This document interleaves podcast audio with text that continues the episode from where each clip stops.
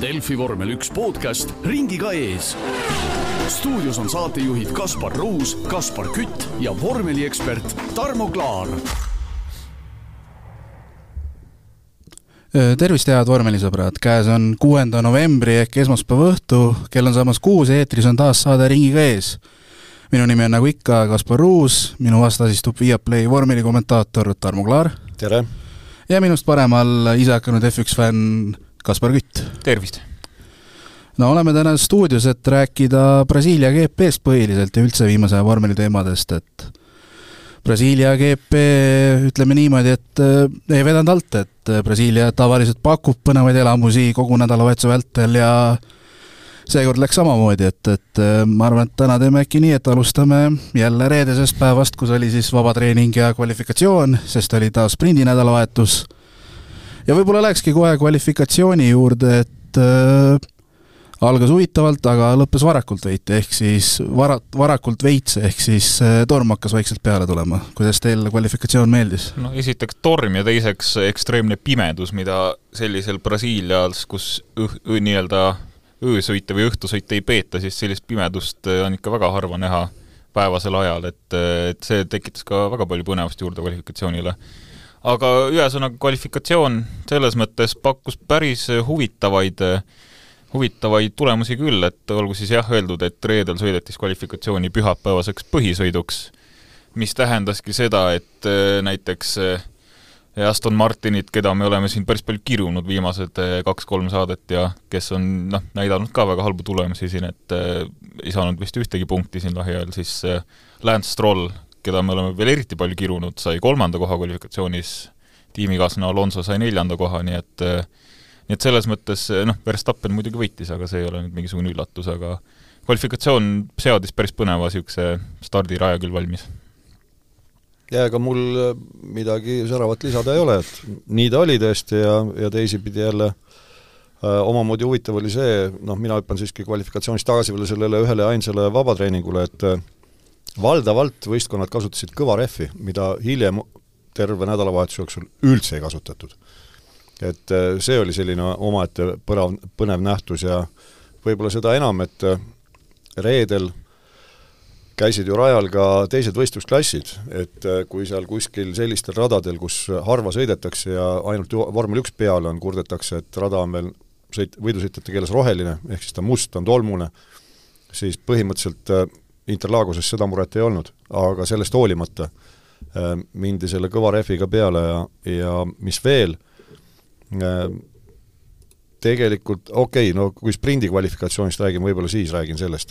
aga paistis jah, et äh, Aston Martin on nüüd siis äh, pärast neid seadistuste eksirännakuid leidnud õige tee, kusjuures nende suurtest, suurtelt juhtidelt, õpetajatelt siis küsiti ka pärast kvalifikatsiooni, et põhimõtteliselt ka, mis juhtus, no umbes nii, nagu eelmisel etapil küsiti või oli see Austinis, mul on juba sassis, need on nii tihti olnud siin, et ja. küsiti Ferrari't, et mis juhtus. peale Mehhi-, peale Mehhikut. peale Mehhikut jah ja., kõik, kõik Ferraris laiutavad käsi, me ei tea, kust see kiirus tuli aga Aston Martinis tundub, et ikkagi teati ja öeldi, et jah, me tõime seal, tõime Austinisse äh, uusi detaile äh,, midagi väikest ka Mehhikosse ja nüüd äh, ei ole see ei Austini äh, spetsifikatsioonis see auto ei Mehhiko, ei varasemas spetsifikatsioonis, vaid see on mingisugune kombo, et lõpuks leiti siis mingisugune kompromisslahendus ja tulemus oli vähemalt kvalifikatsioonis väga hea, eks me sõidust räägime ka.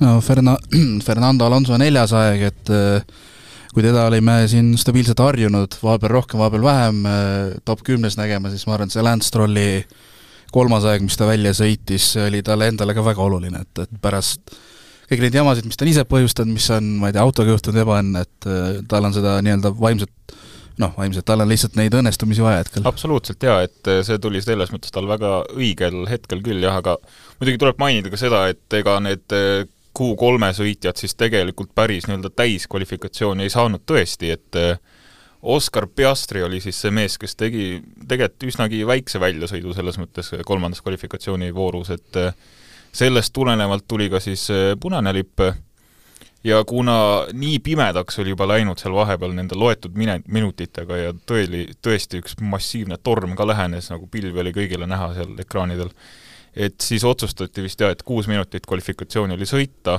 kõik sõitjad olid nii-öelda oma esimesed, esimesed kiired ringid ära teinud, aga siis otsustati jah, et lõpetame selle kvalifikatsiooni ära ja siis saidki sõitjad ainult ühe väga hea ringiaja kirja kolmandas kvalifikatsioonis. See kindlasti natuke aitas Strolli seda kolmandat kohta hoida, aga noh, tulemus on tulemus ei, seda küll, aga tegelikult ma täpsustan, et siiski mitte Peastri väljasõit ei toonud punaseid lippe välja, vaid ikkagi muutunud ilmastikuolud, et Peastri tõi kollased lipud mm -hmm, ja see rikkus omakorda Perese sõidu ära. ja no antud kvalifikatsioonis nüüd päriselt ei saa süüks panna sellele Red Bullile ka, et mis te sellest Peresest siis nii hilja välja saatsite, eks ole, sellepärast et ilmastikuolud muutusid ja seda nüüd oli küll ühest küljest raske ennustada, et millal nüüd see tuul tõuseb, kõige hullem oli alguses just see tuul, mitte vihm ju mm. -hmm et see, see muudab tohutult palju, aga mis seal veel äh, kvalifikatsioonis tegelikult äh, mulle silma torkas, kogu aeg on ju häda selles, et äh, otsitakse seda puhast ringi ja justkui tolgendatakse üksteisel jalus.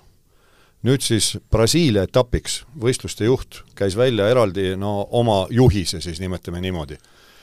Et äh, alates boksi väljasõidu teest, kus on see foor, kuni siis äh, sinnamaani, kus äh, boksi väljasõidutee liitub muu rajaga ja Interlaguses on see teatavasti ju niimoodi, et see läheb seal ta eraldatud põhirajast ja siis seal boksitee lõpus, äh, kus juba tohib sõita tegelikult täiskiirusega, seal on ühtlasi ka selline risti stopp-joon, nagu kus tihtipeale tehakse stardiharjutusi.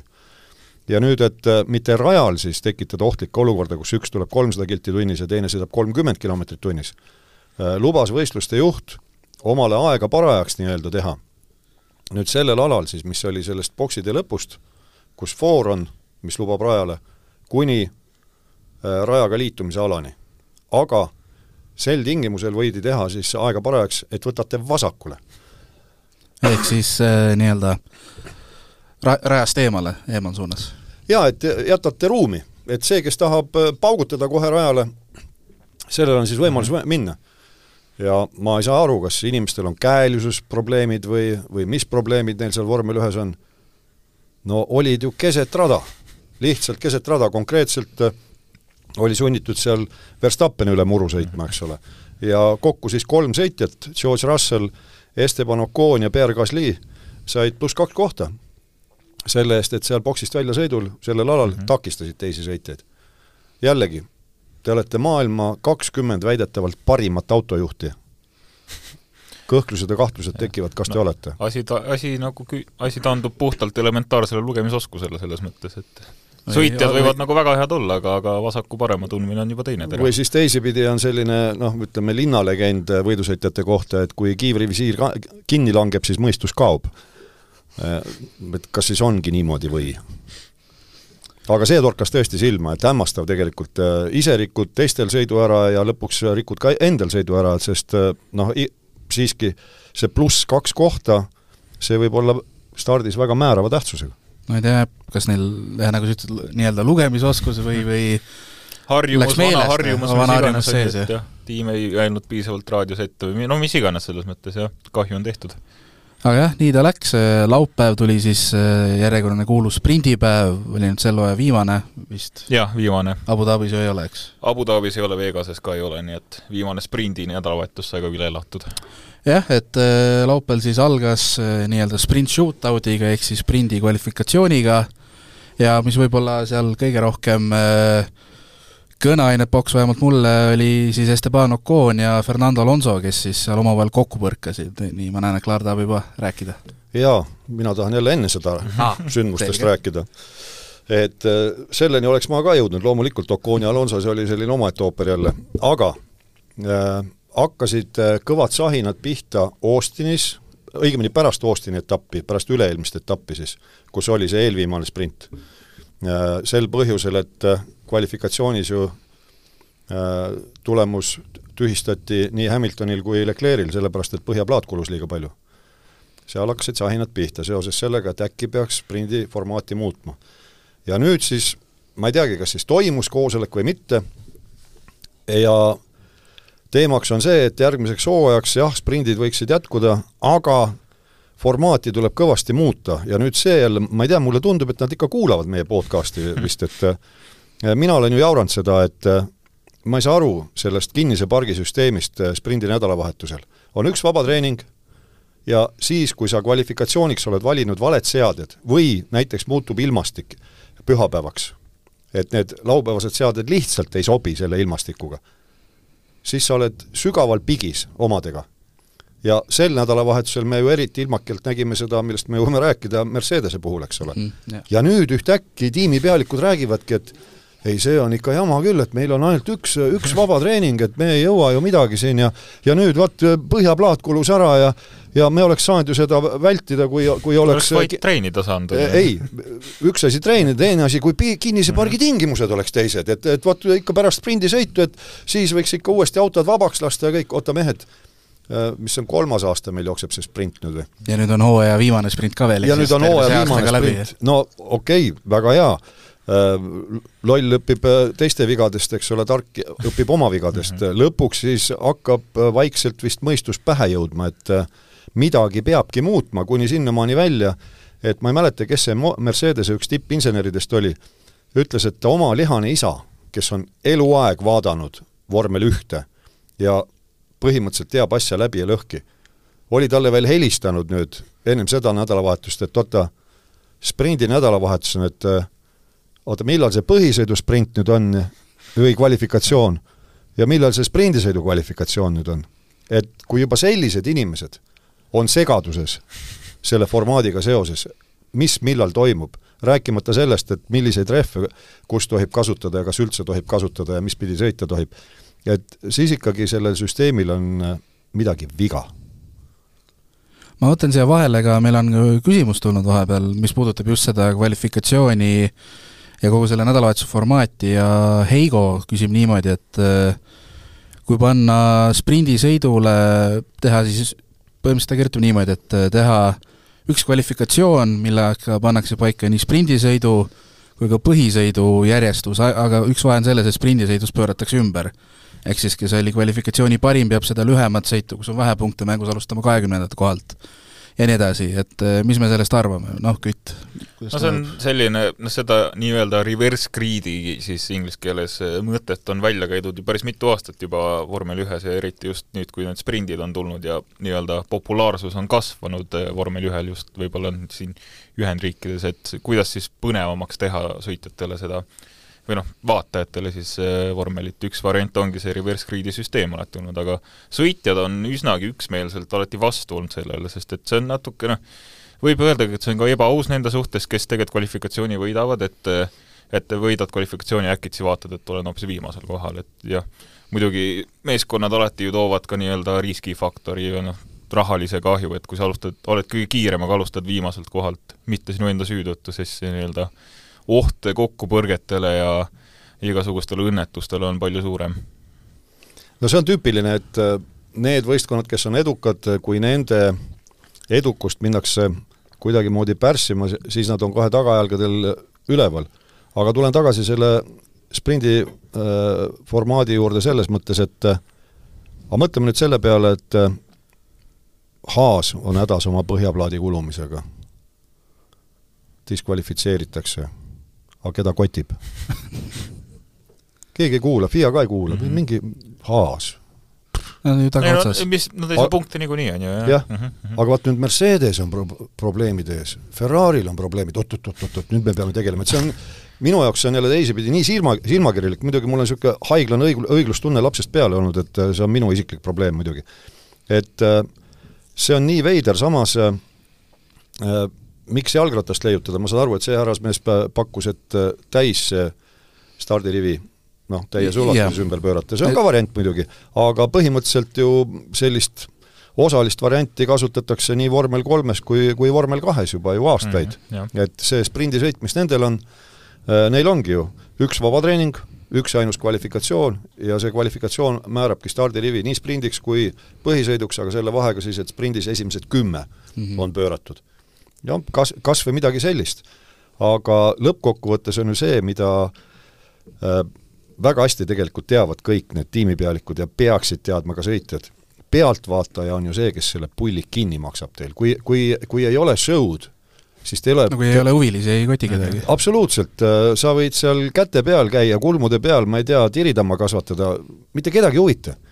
et seal ongi sellist mõistetavat vaatemängu vaja pakkuda, mis on pingeline. ja nüüd on ju isegi Kristjan Horner, Red Bulli pealik, tulnud välja mõttega, et midagi peab muutma, isegi tema kelle ja, kes..., esisõitja lööb platsi puhtaks kogu aeg, et isegi tema saab juba aru, et äh, asi on jama. no, no ei no kui Verstappen põhimõtteliselt iga nädalavahetus ütleb ju, et sprindid on täiesti mõttetud no, tema, tema on, et tema on niikuinii, on ju. no tema on algusest peale sprindi vastu olnud. selles mõttes jaa, et äh, mida iganes selleks, et äh, sprindid natukenegi põnevamad oleksid, et see põhikriitika ongi sprintide vastu olnud see, et no ei, ei toimu väga midagi nende jooksul, et üks-kaks möödasõitu, aga, aga nagu see on ka suuresti kõik no sõltub rajast mm -hmm. muidugi mm. -hmm. no minu jaoks ta on niisugune nii-öelda mi-, minipühapäev, minietapp lihtsalt, et kvalifikatsioon, sprint, kõike on vähem, punkte on vähem, et noh, minu jaoks on need sõidud läinud suht selles mõttes igavaks, et ma ei näe nagu väga suurt väärtust neil, et äh, mulle selles mõttes Eigo idee meeldib ja kui ma vaatangi fänni vaatenurgast, mitte siis nii-öelda tiimijuhi või liikme vaatenurgast, kellel omad rahad mängus on ja noh, nagu sa mainisid, et ei taheta, et autosid lõhutakse eelarve kõik see, noh, minul, kellel mul ei ole oma raha mängus, ma tahaks küll näha, et seal nagu noh, oleks midagi põnevamat ja nähagi, kui kõrgele a la Verstappen siis kas ta kahekümnendalt ka kogu aeg võidaks või, või äkki ei jõuaks, ei jõua vahepeal poodiumile. no siis jah, ongi see, noh, muidugi jah, vaadata Williamsite ja Haaside vaatenurgast, et kui see Logan Sargent alustab esimeselt kohalt, see on nendele muidugi imeline uudis, on ju, jah, aga Verstappen ostab kahekümnendat, siis on see risk jälle, et Red Bull ei hakka kuidagi tõsiselt seda laupäeva võtma, et niikuinii oleme viimasel kohal, on ju, vahet ei ole, me teenime siit mingi noh, maksimaalselt eh, mis on siis kaheksa või kaheksa punkti, aga pühapäeval alles tuleb see põhiline, et eh, lihtsalt kulgeme lõpuni ära ja ärme hakkagi mingit riski tegema.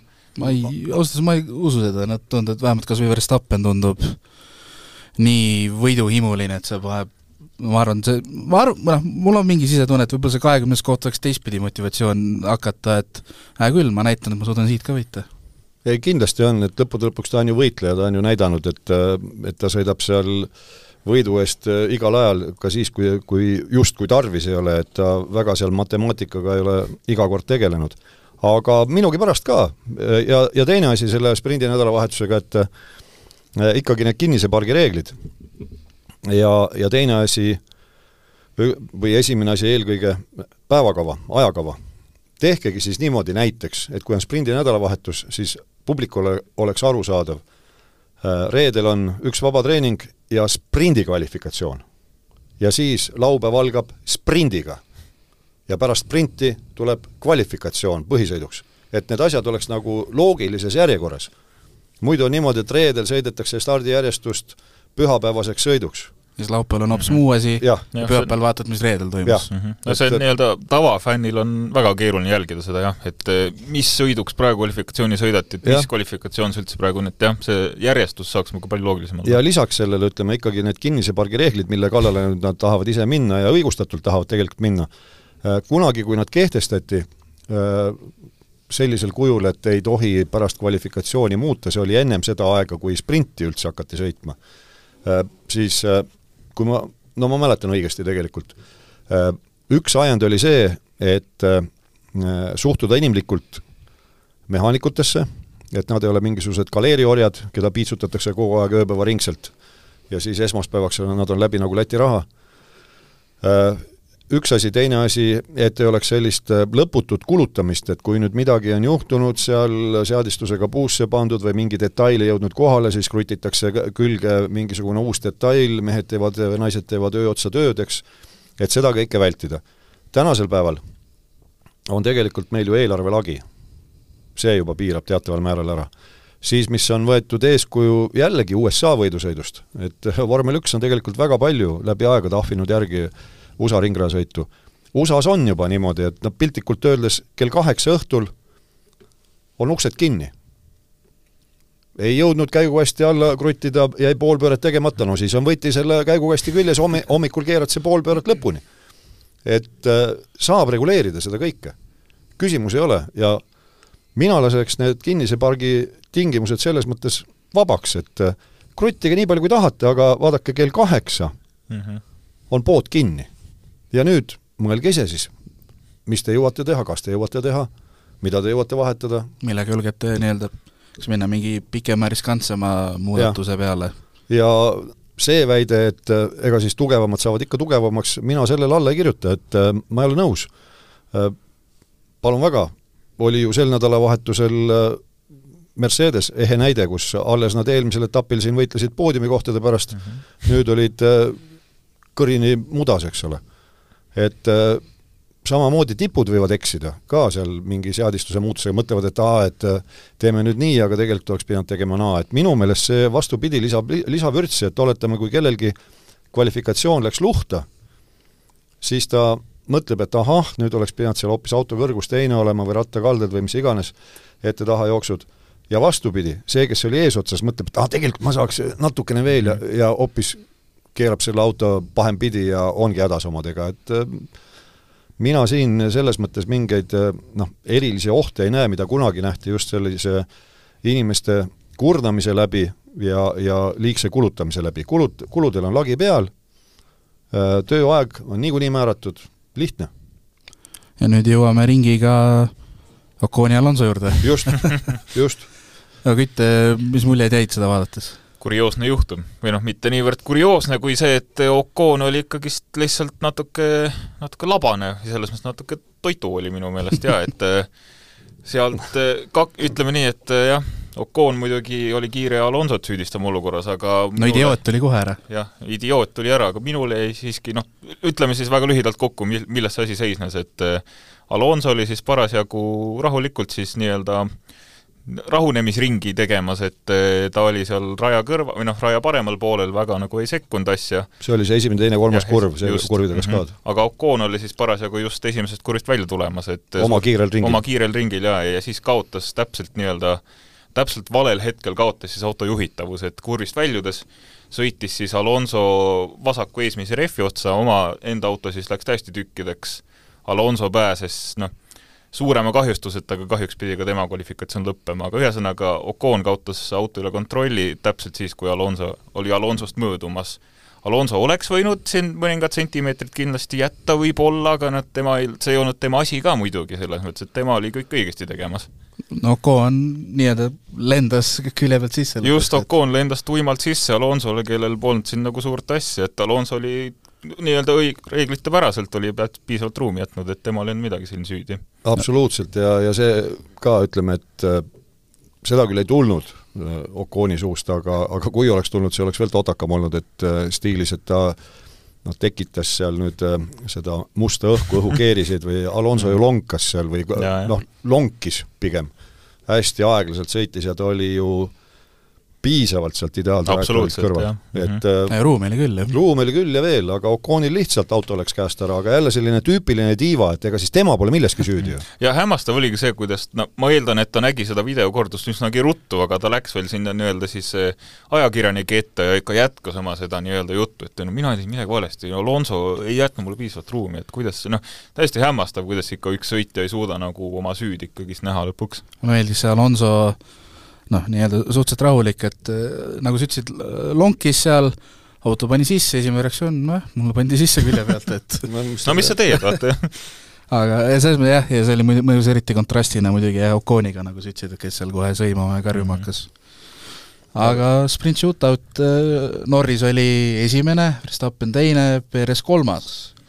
vaatame, mis siin veel ja lisan selle ka, et jah, see õnnetus toimus siis esimese nii-öelda kvalifikatsiooniringi lõpus, et äh, ei, teise. teise? teise, teise, sellepärast et Alonso oli pärast äh, oligi see viieteistkümnes. jah, Alonso jäigi siis viieteistkümnendaks ja, ja et äh, ühesõnaga siis Alonso autot üritati siin putitada veel ja ikkagist mehaanikud panid seal hullu, aga siis peale mingit kümne-viiteist minutit, kui see punane lipp väljas oli vahepeal, siis ikkagist ei jõudnud ja Alonso kvalifikatsioon siis kahjuks lõppes ka selle Oconi kokkupõrkega no ilmselt seal auto oli nii palju vigastatud ühest küljest, teisest küljest äh, taheti kindla peale minna, et seal võeti ju praktiliselt terve esisild lahti mm, -hmm. mõlemad pooled võeti lahti, et mitte üksi see vasak pool äh, vahetati välja, aga mis oli muidugi märgiline jälle äh, ja just nimelt märgiline selles mõttes, et ta iseloomustab seda sprindi nädalavahetuse mõttelaadi rehvi valiku osas kui nüüd äh, võistluseks läks, või õigemini mitte võistluseks, vaid justkui see sprindi äh, kvalifikatsiooni kolmas voor oli,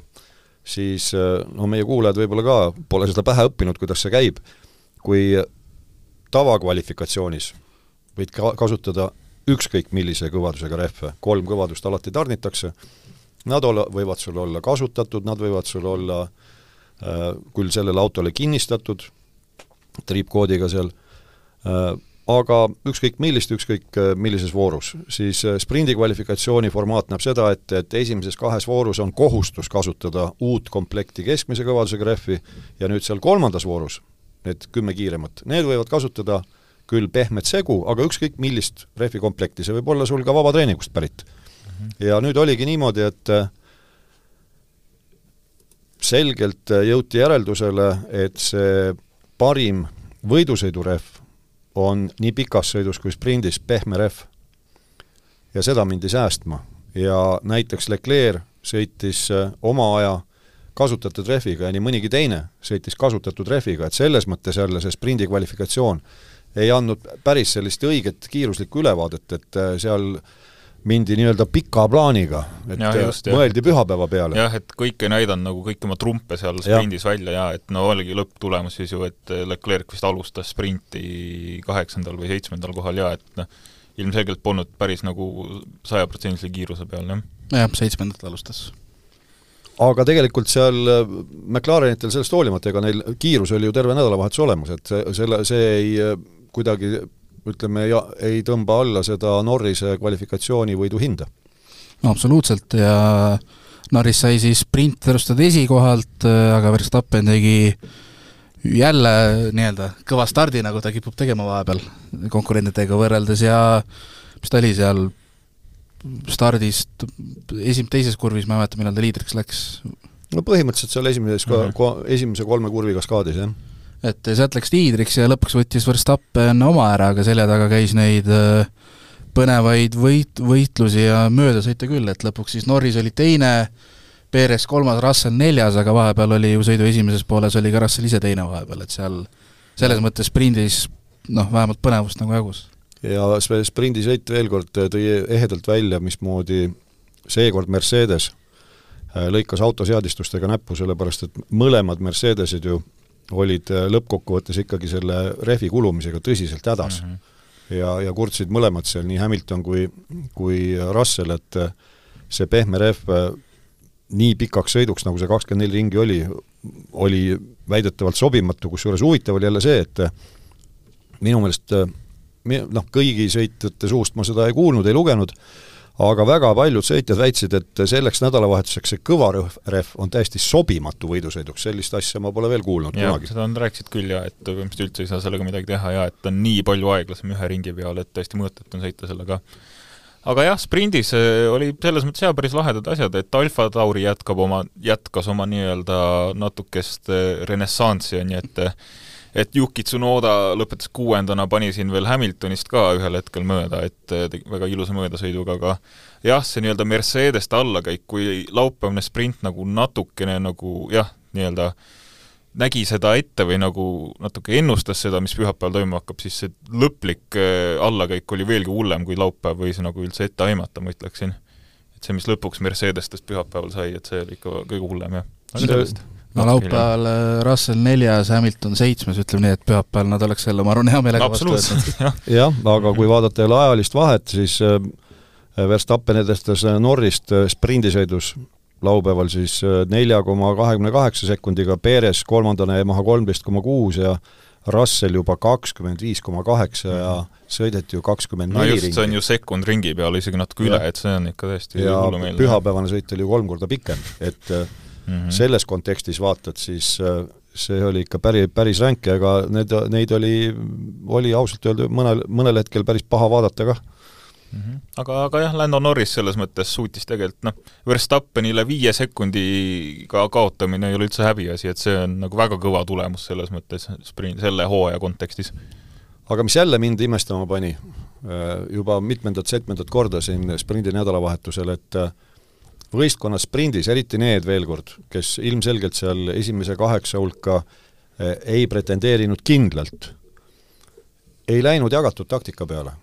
ei mindud erinevaid eh, rehve proovima, kas või selleks, et saada teada, eh, kui palju nad siis oma sooritust võimet ja, sooritusvõimet ja kui kiiresti nad kaotavad.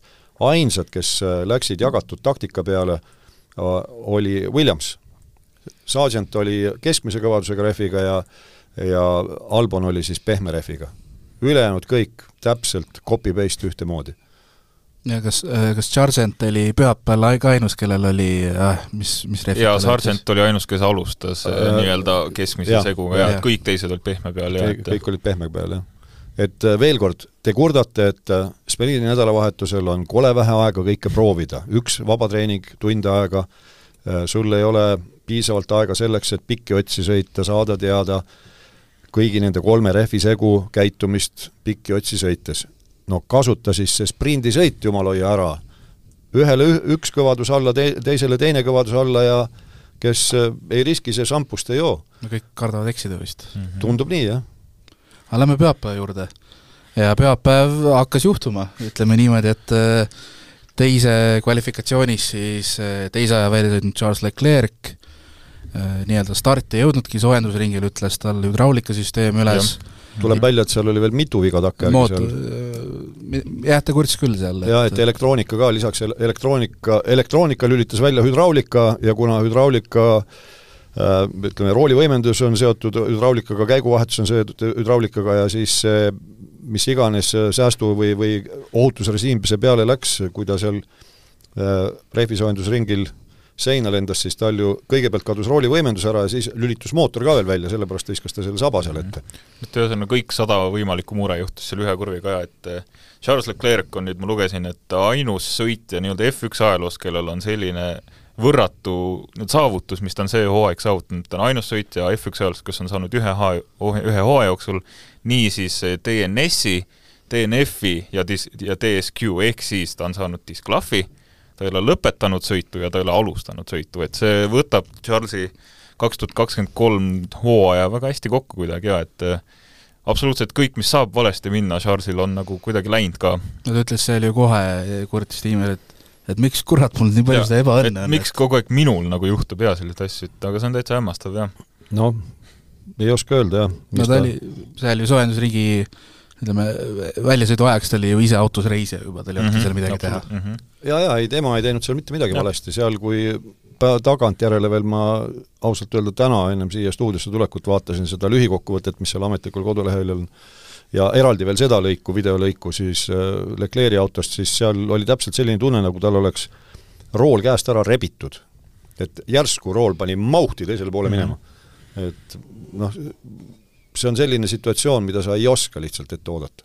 no pärast sõitu Leclerc rääkis ka, et põhimõtteliselt tahaks, et see hooaeg nagu läbi oleks, et tal on, ta tahab selle aasta lihtsalt ära unustada, et tal ei olegi no küsiti, et kuidas siit edasi minna, siis ma ei tea, noh, tahaks no, lihtsalt lõpetame ära selle aasta. alustame uuesti, on ju, selles mõttes. no põhimõtteliselt loomulikult, kõik on ju untsu läinud, mis untsu minna saab põhimõtteliselt ja ta ju proovis tegelikult, kuigi mina vaatasin seal telepildis, mulle tundus, et tal esivedrustus oli ka vigane, tema küll väidab, et muud häda ei olnud kui kui tagatiib, aga ta ju proovis uuesti ja, liikvele saada veel... ja kahekümne sekundi pärast lülitus uuesti mootor välja. Mhm. ja oligi kõik. ei olnud mõeldud sõitma täna? ei olnud. pühapäeval? jah, nii kahjuks oli. aga see andis võimaluse nii-öelda Alonsol vabas vees startida mm. -hmm. Alonsoni veel jõuame sinna veel jõuame nii-öelda finišisirgel, nagu Alonso eile. aga starti jõudis siis üheksateist autot ja hakkas kohe juhtuma, mis seal siis oli, panin kirja äh, kokku põrkasid äh, siis stardisirgel Albon ja Hülkenberg, sealt libises Albon Magnusseni autosse, äh, Albon ja Magnussen mõlemad katkestasid, aga enne jõudis Magnussen veel otsa libiseda Piastrile tagant. see kõik juhtus jah, selle kokkupõrke tagajärjel on ju siis, et jah ja, ja siis äh, ma ei mäletagi, kelle rehv see oli, oli see, see Alboni oma? Alboni auto alt vist. Alboni auto rehv siis omakorda lendas Daniel Ricciardo tagatiiva otsa. nii et täpsustame, siin ja, me oleme kõik ref... praegu termi-, termites korrektsed, see oligi rehv. rehv tuli velje pealt maha, see ei olnud ratas. et, et selles kohas kõik õige. aga tegelikult, kui seda vaadata, seda kordust, siis äh, selle avarii, ahela avarii põhjustaja oli Magnussen mm. -hmm. sest tema vajus peale oma tiimikaaslasele Hülkenbergile. Hülkenberg küll hakkas vist gaasi juba maha võtma, aga hilja oli. ja kui vaadata Alboni autost, siis Magnusseni kommentaar pärast oli ka, et ei no, et äh, Mag-, see Albon surus Hülkenbergile peale, sealt see kõik hakkas, ei surunud kuhugi, Albon sõitis täiesti õkva, täitsa otse pani. Albon oli tegelikult väga rahul oma stardiga mm. -hmm. ta tegi, ta tegi super stardi. ta tegigi paremalt sealt tema, tema oli ilmselt äh, Lando Norrise kõrval teine superstartija, sellepärast et Lando Norris ju kuuendalt stardiplatsilt äh, sööstis teiseks esimesse kurvi. mõlemast äh, Astonist ilusasti, mõlemad Astonid tegid üsna kehvad stardid. jaa, väga, ei, no ole nüüd, väga, väga kehvad jaa, et Stroll veel eriti, Stroll kaotas siis lisaks teistele ka Alonsole kohe jaa, et oligi siis nii, et Verstappen juhtis, Norris teine ja Hamilton oli kolmas, et Alonso neljas ja Stroll oli üldse vist kusagil seitsmes või kaheksas. kusjuures lihtsalt selline nüanss, no sellest oma kommentaatori tööst, et seal näitas äh, Äh, kui see avarii oli juhtunud äh, mitme nurga alt, särgi alt ja särgi pealt, nagu ma tavatsen öelda, kõikvõimalike nurkade alt igasugustest autodest pilte ja siis ühel hetkel, kui olid punased lipud ja siis äh, tuli informatsioon, et alustatakse uuesti, ma vaatasin, et vot mis mõttes nagu Piastri ja Ricciardo on ringiga maas mm. -hmm. aga põhjus väga lihtne, vaata, kui sa ei näe ja me ei näinud autosid sõitmas rajal kogu aeg, tähendab see teine ring sel ajal näidati kogu aeg teles kordusi mm. -hmm. ja vaata, mis inimese aju teeb. mul ei olnud mälupilti ilmselt lähiminevikust, et need autod oleks teisele ringile veel läinud. mina olin õndsas teadmises enda jaoks, et äh, punased tulid välja ja kõik sõitsid boksi. ei, nad sõitsid äh, teise ringi lõpus boksi. jaa, ja Piastri ja Ricciardo siis pöördusid esimese lõpus juba boksi, nemad, nende autodel hakati juba, või no ilmselt nad juba arvasid, et nad ei sõidagi rohkem, et, et ootame boksis natuke aega, aga selle terve aja jooksul siis nad jäidki ringiga maha, selle ühe ringiga, mis turvaauto taga tehti. ja nemad veel, me olime Toomasega veidi segaduses, ütleme, ma nüüd aastaarvu täpselt ei, ei ütle, aga mõned aastad tagasi veel oli reegel selline, et kui äh, pärast starti oli läbitud alla kahe ringi ja siis äh, katkestati sõit, siis al-, algas stra-, stardiprotseduur nullist. kõik rivistati uuesti üles äh, algse stardirivistuse järgi, ehk siis kvalifikatsiooni tulemuste põhjal. nüüd on võistlusmäärustikus, lugesin spetsiaalselt üle selle äh, pärast ülekannet, on kirjas niimoodi, et kui võistlus katkestatakse, siis kordusstart tehakse sellise järjestuse alusel, mida oli viimati võimalik määrata. Tähendab, sellest punktist kus oli viimati võimalik määrata võistlejate järjestus. et täisringe enam ei loeta edasi ega tagasi. väga niisugune ümmargune seletus. no ongi ja, ja, ja ma ei mitmeti tõlgendatav jah, ja nüüd ongi küsimus selles, et äh, meie näeme ju sektori aegu reeglina mm -hmm. telekast. ja meil seal ametlikus ajavõtus on küll ka need mikrosektorid, et terve rada on kuskil no sõltub raja pikkusest, ütleme a la stiilis viieteistkümneks või kahekümneks mikrosektoriks jagatud minul info puudub ausalt öelda, kas võistluste juhil on nüüd ka nende mikrosektorite järjestused võimalik paika saada. aga mulle tundus, et esimese sektori järgi vist võib olla, et pandi see kirja või pandi see järjestus paika. ma sada protsenti nüüd äh, ei saa seda kinnitada, aga sõnastus on jah selline, et viimases punktis, kus oli pärast võistluse katkestamist võimalik määrata äh, võistlejate järjestus no paljudele see sobis kindlasti Norrisele, kes ei pidanud hakkama kes kuuendalt tõusis teiseks ja ei pidanud hakkama uuesti seda no, kohe, kohe kordama. selles mõttes Norrise jaoks igati teenitud ka, et jah, et kui sa no, teed nii superstardi, siis pead jälle äkitse kuuendalt alustama, siis see on ikka päris valus laks. aga muidugi minule ka õpetus, et mm -hmm. ega siis äh, samas pean ütlema, neid võistlusmäärustikku on kuskil sada üheksa lehekülge inglisekeelset teksti, et äh, seda päris nagu jõululuuletust jälle pähe ei õpi, et äh, olen süüdi mm. -hmm aga jah, pool tundi oli umbes sõit äh, peatatud, äh, selle ajaga saadi Ricciardo ja Piastri nii-öelda no vähemalt sõidukordad said äh, nemad oma sõitu jätkata. küll aga ringiga maas siis küll aga ringiga maas, aga tulid lõpuni mõlemad. jah, absoluutselt ja pärast nii-öelda Ricciardo sõidu või noh, ringi aegu vaadates siis jaa, et see oli noh, kahjuks reeglid on sellised, aga tempot ja kiirust oli Ricciardol iseenesest küll selliseks tugevaks top kuus-seitse kohaks jaa, et iseenesest kahju, et vägagi, vägagi potentsiaalsed punktid kaduma läksid. ilmselt oligi see teema, et äh, Ricciardol totakalt kõlab, aga kõigest tagatiib sai viga, et äh, ainult tagatiib tuligi välja vahetada.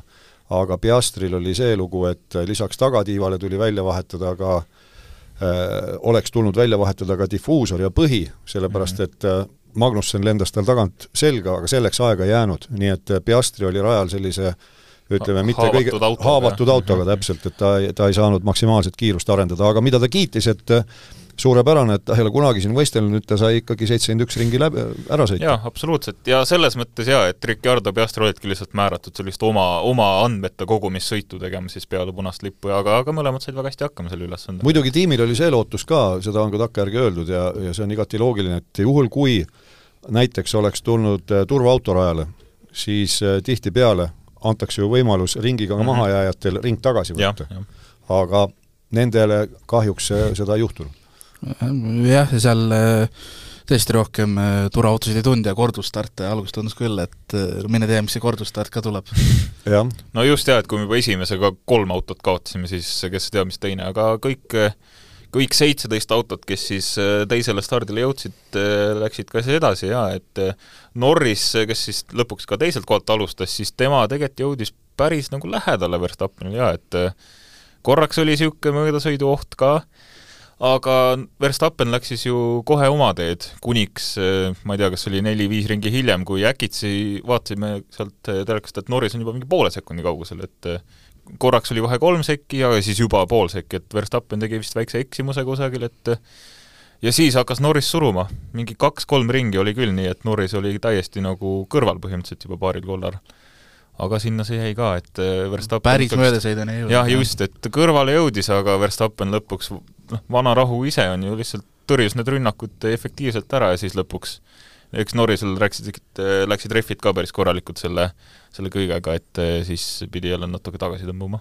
no Norris ise ütles ka vist pärast, et ta kaalus veel korra uuesti rünnakule minemist, aga mõistis, et no parem hoia rehve, et kui siin hakata, et ei läheks see sõidutaktika nüüd väga, väga metsa lõpuks, et mul seda spikrit ees ei ole, seda ma välja ei printinud, need boksipeatuste ringid, aga tuli ju äh, Norris boksi pärast, viimase oma boksipeatuse tegi ta ju pärast Verstappenit. jaa, ikka mingi viis-kuus ringi hiljem jaa. jah, aga siis sõita jäi kuskil üksteist ringi veel, ta, kas ta oli mingi kuuekümnendal, viiekümne üheksandal ringi, seitsekümmend üks ringi sõideti.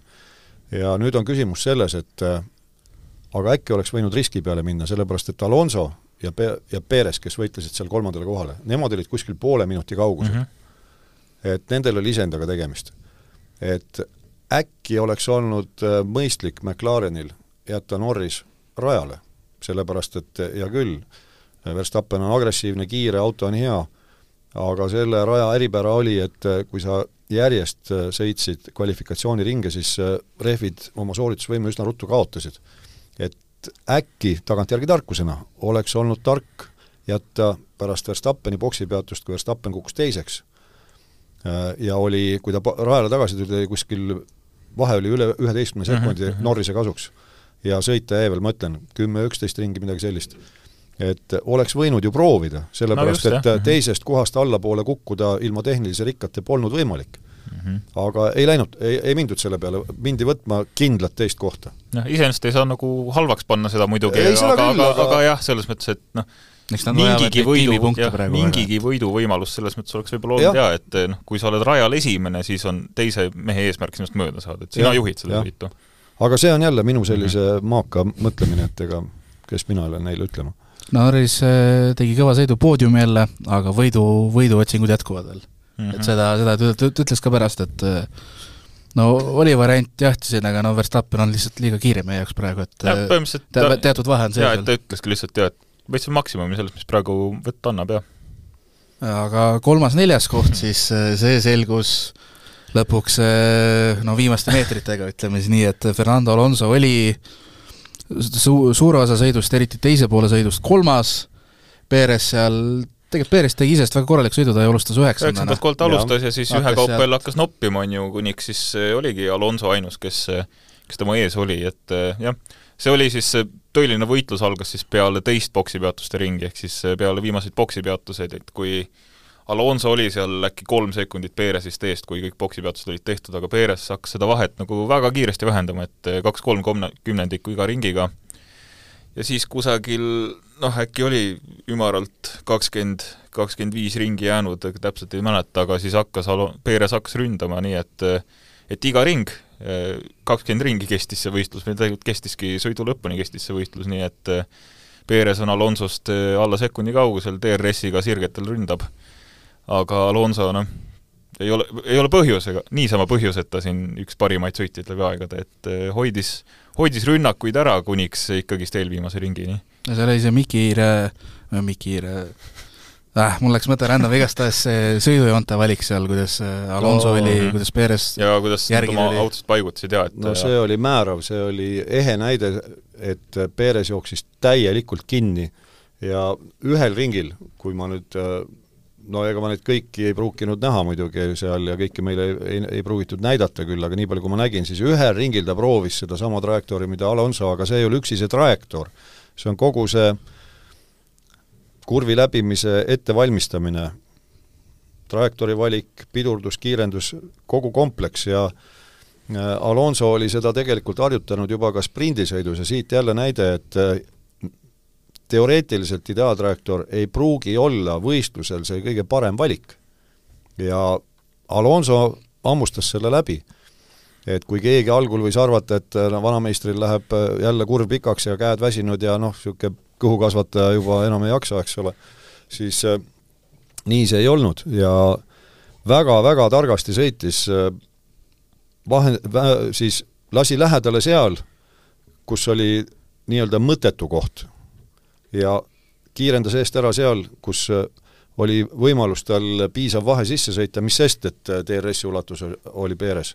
ja just ehe näide nüüd äh, võistlejate klassist, et Perez ju ka ei ole kogenematu sõitja ta on väga-väga kaua vormel üks karussellist äh, keerelnud ja üks on kahekordne maailmameister, see konkreetne sõit näitas põhjusega. ta on, ta on väga-väga suur meister ikkagi äh,, väga kaval sõitja, mõtlev sõitja äh,, mida paraku ei saa öelda Perese kohta no seda eriti, et jah, kaks ringi enne lõppu sai ju Perez mööda ka lõpuks, et see töö oli justkui nagu kõik ära tehtud, on ju, et sõida nüüd lõpuni välja, ongi kõik, aga viimasel ringil siis Perez vist lasi selle esimese kurvi natukene liiga pikaks, et pidurdas noh, paar, paar meetrit, paarkümmend meetrit liiga hilja ja see andis kohe Alonsole selle võimaluse no see oli, see oli üks asi ja minu meelest ta läks ka poolkatva trajektooriga sinna esimesse kur-, mm -hmm. kurvi.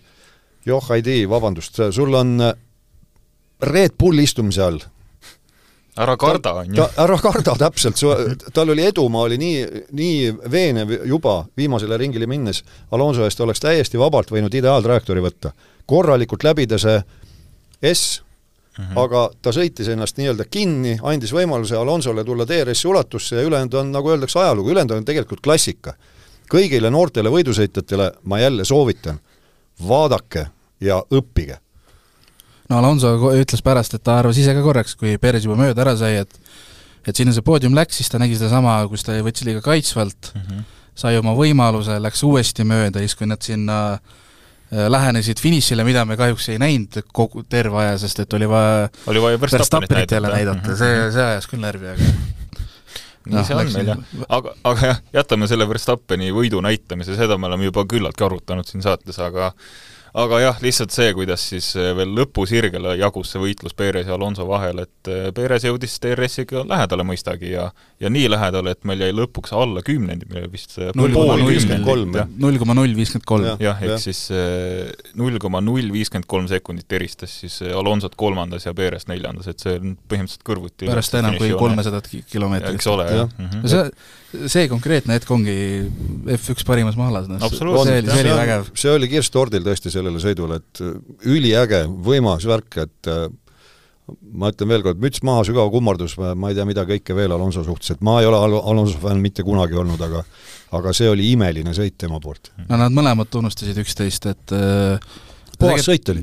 puhas sõit äh,, agressiivne, aga ei olnud noh, nii-öelda ei olnud räpane, et, et kõike tehti reeglitepäraselt ja sõideti nii, nagu peabki sõitma selles mõttes, jah. kaitsti, aga jäeti ruumi teisele, välja ei pressitud teist, ei trügitud, ei, see oli kõik, see oli selles mõttes just klassikaline puha, puhas agressiivne võidusõit. ja seda vahet ei ole, ega vahet ei olegi, kumb seda ütles, et igastahes üks neist ütles, et äh, me ise nautisime seda ja see on ju ka tegelikult see, mida rahvas tahab näha mm. -hmm, muidugi. see meenutas natuke ja vist oli kaks tuhat üheksateist, kui Gasly ja Hamilton pidasid ka, ka Brasiilias, Brasiilias ja nii-öelda lõpusirgel siis viimase võitluse ja et nii-öelda drag race'i siis tegid lõpusirgel, kus Gasly, kes tegi tegelikult väga hea sõidu täna või eile, et seitsmendal kohal Alpiiniga. et, et väike tunnustus ka talle lihtsalt hea sõidu eest. Äh, jah, esineliku järel siis äh, Lance Stroll viies, Carlos Sainz kuues, Pierre Gasly seitsmes ja Mercedes siis, Lewis Hamilton kaheksas, George Russell ei jõudnudki finišisse, no kogu see Mercedese sõit, me siin enne ka rääkisime, et kui palju need ka tipptiimi jaoks võivad, võib see olukord muutuda, et ega Mercedes põhimõtteliselt võidusõitu ei saanudki, nad pidid kogu aeg ainult muretsema rehvide ja auto pärast. jah, et nad olid äh, jahutusega rahvakeeli puusse pannud, et äh, tikkusid seal pidurid üle kuumenema ja mootor ja lõpuks oligi see, et mootor tikkus üle kuumenema Russellil. ja sellepärast ta kutsuti boksi, et äh, mootorit mitte ära rikkuda ja näha oli, oli ka näha, et neid rehvide kulumist, et Hamilton olid vist juba peale mingi kaheksat-üheksat ringi, need segu täiesti nagu põhimõtteliselt nagu ribadeks juba ka, et see rehvide kulumine oli neil ikka täielikuks eh, nii-öelda Achilleuse kannaks. ja just need ringiajad viimase lõpus olid sellised, et eh, anna kannatust, et eh, põhimõtteliselt no tal, tal vedas, et ta punktidele üldse jäi, võib põhimõtteliselt öelda no algas jah, seal ju Russell ütles suht kohe tiimile, et alguses me teeme tiimitööd, vaatame, et ma hakkan mm -hmm. kohe teda suruma, aga no lõpuks nad ei surnud kumbki kahjuks kedagi, et ei no see oli jälle tore, et Russell küsib, kas me teeme tiimitööd või, või sõidame võidu, võidu ja siis tuleb vastus, arutame. vot mis asi see nüüd oli siis, mis teil ikka koosoleku päevakord on kinnitatud või? püha müristus ja see on tippvõistkond. no Mercedese pealik Toto Wolff ütles pärast otsa, et tal on sõitjatest kahju ja selle autoga ei vä-, või see auto ei väärigi võitu, midagi sellist ütles.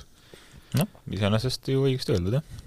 aga Mercedesel tuli ka, mis seal oli, etapi eeluudised, et äh, tänavu siis kui õigesti mäletan, tänavu tehnikadirektoriks ülendatud äh, Mike Elliot lahkus, lahkus pärast üht- või lahkub, lahkus pärast ühteteist aastat äh, meeskonnast. tegelikult seal Mercedeses tehti ju vangerdus, et äh, see peakonstruktori kohale tagasi, võib öelda, et ühest küljest tagandati James Allison, aga tegelikult James Allison oli ju üks neid viimaste aastate mm, edu arhitekte tema, tema taktikepi all seda autot ju ehitati. ja siis äh, Allison üle, ülendati ja, ja e-, Elliot siis määrati tema asemele, aga selgus, et äh, meie siis hakkama tegelikult, et sa võid ju olla, noh jälle see jutt, et äh, sa võid ju olla eluaeg olnud kellegi tipptegija asetäitja aga siis, kui sa ise oled pulkade juures ja juga juhid, siis sa ei suuda seda juga võib-olla ikkagi juhtida, et kõrvalt on jube tore vaadata ja justkui peaksid teadma ja omandama kõike, aga kõik ei pruugi niimoodi minna. ja me ei tea ju, mis vastuolud seal äh, võistkonnas sees veel olid, sellepärast et siis oli ju Elliot veel äh, otsustajate hulgas, kui selle aasta autokontseptsiooni otsustati. mäletame selgelt ju vormel üks fännid, et eelmise aasta lõpus Toto Wolff ütles, et see mis neil oli tookord, see automudel kaks siis V kolmteist. jah, praegu on neil neliteist. jah, et see tuleb nii sügavale koopasse panna, et seda mitte keegi kunagi ei leia. ja selle kontseptsiooniga me ei jätka ja siis tuleb hooaja esi-, esimene testipäev ja mida me näeme? sama auto. sama auto vahib vastu ja noh, nüüd on hooaja lõpp, eh, terendab kaks etappi jäänud ja eh, Wolfil pole muud üle, kui otse öelda, et me ei väärigi võitu praegu mm. -hmm. no nii ta paraku on. väga kapitaalselt valesti on, on. Eh, Brasiiliast veel mõtteid? no ütleme, ma tahaks lihtsalt öelda, et jah, meie saate kaks põhipatuoinast on ju läbi aegade olnud Perez ja Stroll, et nad mõlemad natuke näitasid meile, tegelikult nad oskavad ka sõita siin etappidel, et noh, Perezist me juba rääkisime palju, aga Lance Stroll, kes tegi vägagi stabiilse sõidu, et alustas küll nii-öelda põhimõtteliselt alustas ta teisena, on ju, et kuna Leclerc'i ei olnud raja peal, siis siis no start läks tal küll natuke luhta, aga lõppude lõpuks viies koht ja väga ilusad möödasõidud näiteks mõlemast Mercedes autost, eh, Sainzist, nii et, eh, nii et Strollile ja Perezile mõlemale, et au ja kiitus.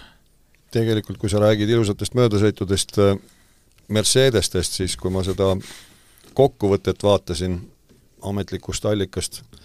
seda oli päris, ütleme niimoodi, et pisar tuli silma. no need ei olnud jah, möödasõidud on ju. Briti, Briti kommentaatoritest oli kahju, kes muidu kilkavad isegi siis, kui Hamilton sõidab surnud kassist mööda, nad on sillas, nad röögivad nii kui jube, ta saigi mööda, vaatad, oot, mis mõttes, nagu see ei liigu ju. ja ja nüüd olid nagu surnumatjad äkki see on hoopis teisel pool teed, on jah, et, et ei ole mõnus olla siin. minu meelest just see oli, eriti tol hetkel, kui Stroll sõitis mm -hmm. Hamiltonist mööda, no siis oli ikka noh, täielik leina meeleolu ja nüüd olemegi siia jõudnud. jah, jah, ja, no peaaegu et null emotsiooni, hästi monotoonselt ja no eks see oligi, see oli nii paratamatus lihtsalt, et see, et see noh, mis me, mis me röökame siin, see niikuinii juhtub, vaata, see, see noh jah, see ei olnud möödasõit, on ju, see oli lihtsalt takistusest möödumine. jah, see oli ettejõudmine lihtsalt Äh, lõpetuseks võib-olla ühe teema küsin veel, äh, siin vahepeal on jutte tulnud, andsid, andsid ka ise ühe intervjuu sel teemal, kas Toyota tuleb tagasi F1-te? kui ei ole sellistes, noh, minu jaoks, nüüd ma olen hästi niisugune suure egolaksu all, et aga tegelikult ka, kui prestiižsetes kanalites ei ole mitte kõssugi olnud, siis ma ei usu seda, üks asi, teine asi, Toyota on olnud vormel ühes, nad on tippvõidusõidus aastakümneid olnud. Nad teavad väga hästi, mida tähendab tulla kas mootoritootjana või oma võistkonnale, mis kõige hullem. ja nüüd, kus äh, uued reeglid peavad kah-, kehtima hakkama siis kaks tuhat kakskümmend kuus, kahe aasta pärast, kaks hooaega on vahel, ja lõplikult ei ole veel isegi mitte mootorireegleid kinnitatud, nad ei ole vahepeal olnud pärast kahe tuhande kaheksandat aastat äh, vormel ühes. Äh, Nad ei ole hübriidmootorit vormel ühte ehitanud, neil ei ole kogemust selle hübriidmootoriga. Äh, minna selle riski peale, et tulla nüüd tänase päeva seisu, seisuga kahe aasta pärast mm -hmm. joone peale, ma ei usu, et nad nii lollid on. Na-, nad, nad ei lähe raha põletama niimoodi. teine asi, nagu me näeme siin, ütleme, Volkswagen Audi grupis, kui mingisugune selline otsus tehakse, et minnakse nüüd vormel ühte, siis taolised kontsernid tavaliselt, nad ju tõstavad seda raha ühest taskust teise. mingisugune programm siis kas tõmmatakse koomale või lõpetatakse ära. mille nad siis kooma nüüd tõmbaksid või lõpetatakse ära, autorallis nad on tipus. jah, ja nad on ju seal nii-öelda endurance racing us ka Ke, täiesti tipus ja et kestvus, kestvussõidus on ka tipus mm, -hmm. et kas sa nüüd siis ühe-kahest peaksid kas koomale tõmbama, ära lõpetama, ei ole mitte midagi sellist kuulda olnud ja veel kord, see ei ole lihtsalt niisama nipsust, et oh, ostame tiimi ja lähme, mhm. paneme, äge nojah, Toyotal on ju pigem, pigem selles mõttes halvad mälestused eelmisest F1 kogemusest, et noh, nad ei olnud kunagi noh, kohutav tiim, et nad ikka poodiumitele jõudsid aeg-ajalt, aga jah, seda võitu ei tulnud ju kunagi Toyotale, kui nad siin põhitiim olid kaks tuhat, kahe tuhandete lõpus. just, ja kulutasid väidetavalt äh, kõige enam mm. -hmm. ja sellest äh, rallist nad ei ma arvan, et nad kindlasti ei lahku, sest et sellest kahest ja poolest tiimist, nii-öelda kahest ja poolest, kes seal kõige kõrgemas klassis on, nemad on ainus, kelle tuleviku pärast nagu üldse ei muretseta. ja nemad tulevad ka järgmisel aastal välja oma Rally2 ehk siis madalama klassi autoga ja see on puhas nii-öelda raha teenimisallikas, et neil ütleme rallist ja ilmselt kindlasti ka sellest endurance'ist ei ole lihtsalt põhjust tulla ära. ei, mina, ei näe küll ühtegi põhjust ja veel kord, et ei, ei ole ühtegi viidet ka sellele olnud no,, mitte, mitte Sahina poegagi. jah, no eks see on niisugune klassikaline netikommentaatori al-, algatus jaa, võib-olla, et ja ma isegi ei tea asi tuleb, aga, aga tegelikult mitte no, mingit faktipõhist ja hakkas see vist nii-öelda levima. no see on ka selline üldmõiste Jaapani meedia, kas see on mingisugune Äh, ma ei tea, nurgatagune vallaleht või, või kes see kirjutas seal, et äh, minul info puudub selle kohta ja, ja võib ka olla niimoodi, et lihtsalt oli hapu, hapukurgi hooaeg, nõuti artiklit ja, ja keegi siis kirjutas, no kirjutame siis autoparis, autospordist või viskame äh, viskame nii-öelda teema õhku, vaatame, äkki, äkki neelavad konksu alla. ja midagi läheb telkes kaduma ja nii edasi ja nii edasi. no ma ei tea, mis see ja, põhjus võis olla. ja nii see lõpuks jõuabki Eestis ringiga ees podcast'ini ja, ja et äh, Jaapani meedias algas ja siia me, nüüd me räägime sellest siin. noh, see on, mul ikka aeg-ajalt tulevad sellised, vabandan väga küll nõukaaegne anekdoot, aga tulevad anekdoodid tihtipeale selliste eluliste äh, situatsioonide puhul meelde, et see kisub ka praegu sinnapoole nagu nõukaajal aastalõpupidu ja saab pidu läbi, üks härrasmees läheb siis ka garderoobi, tema naise kasukas varastatud. noh, kutsutakse õiguskaitseorganid kohale, see uuritakse asja ja siis läheb aeg edasi ja ja mehel töö juures võimalus nagu ülendatud saada. ja siis küsitakse, no et kas kellelgi on siis selle, on ta nimi siis, oletame, et ongi Tarmo Klaar, vot Tarmo Klaari vaja ülendada, et et niisugune omal ajal täitsa tegija ja oleks nagu aeg juba ja aastaid tööd teinud ja et on kellelgi midagi vastu väita ja siis üks vend tõstab käe, kuulge, vot ma ikka päris äh, nagu kohe niimoodi uisapesa ei otsustaks, et ma mäletan, et ta siin aastavahetusel oli ühe varg, vargusega seotud. nojah, ja nii ta läheb. no minu naisel varastati kasu, kasuks ära, olin ju vargusega seotud. nojah, loogiline mm. -hmm. No. ja nii ta läheb. just.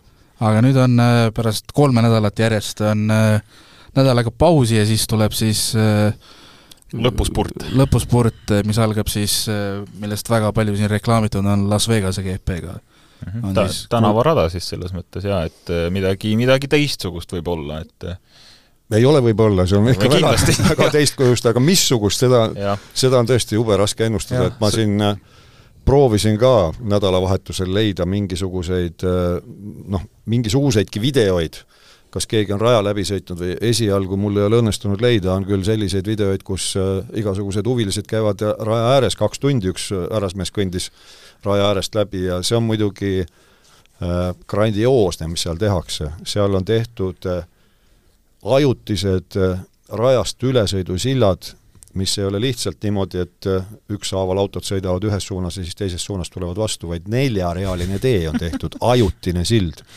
ja, ja seal on veel selliseid ülekäigukohti, et no Ameerika on suur, seal võetakse asju ikka suurelt ette, see on väga, eriti, väga eriti Las Vegas. eriti just. Vegas just, ja no see tuleb üks noh, show, vähe, vähe, väikselt öelda. ja kohaliku aja järgi ju põhisõit, äh, kvalifikatsioon on vist veel hiljem, südaöösel. jah, südaöösel mm. -hmm. see on, äh, ja seal no ongi kunstvalgusel ja väidetavalt noh, kõrb, mitte väidetavalt, on ju kõr-, kõrb, et kuidas seal nüüd nende temperatuuride kõikumisega on päeval ja, ja öösel, ma ei oska öelda, mina pole Las Vegases käinud.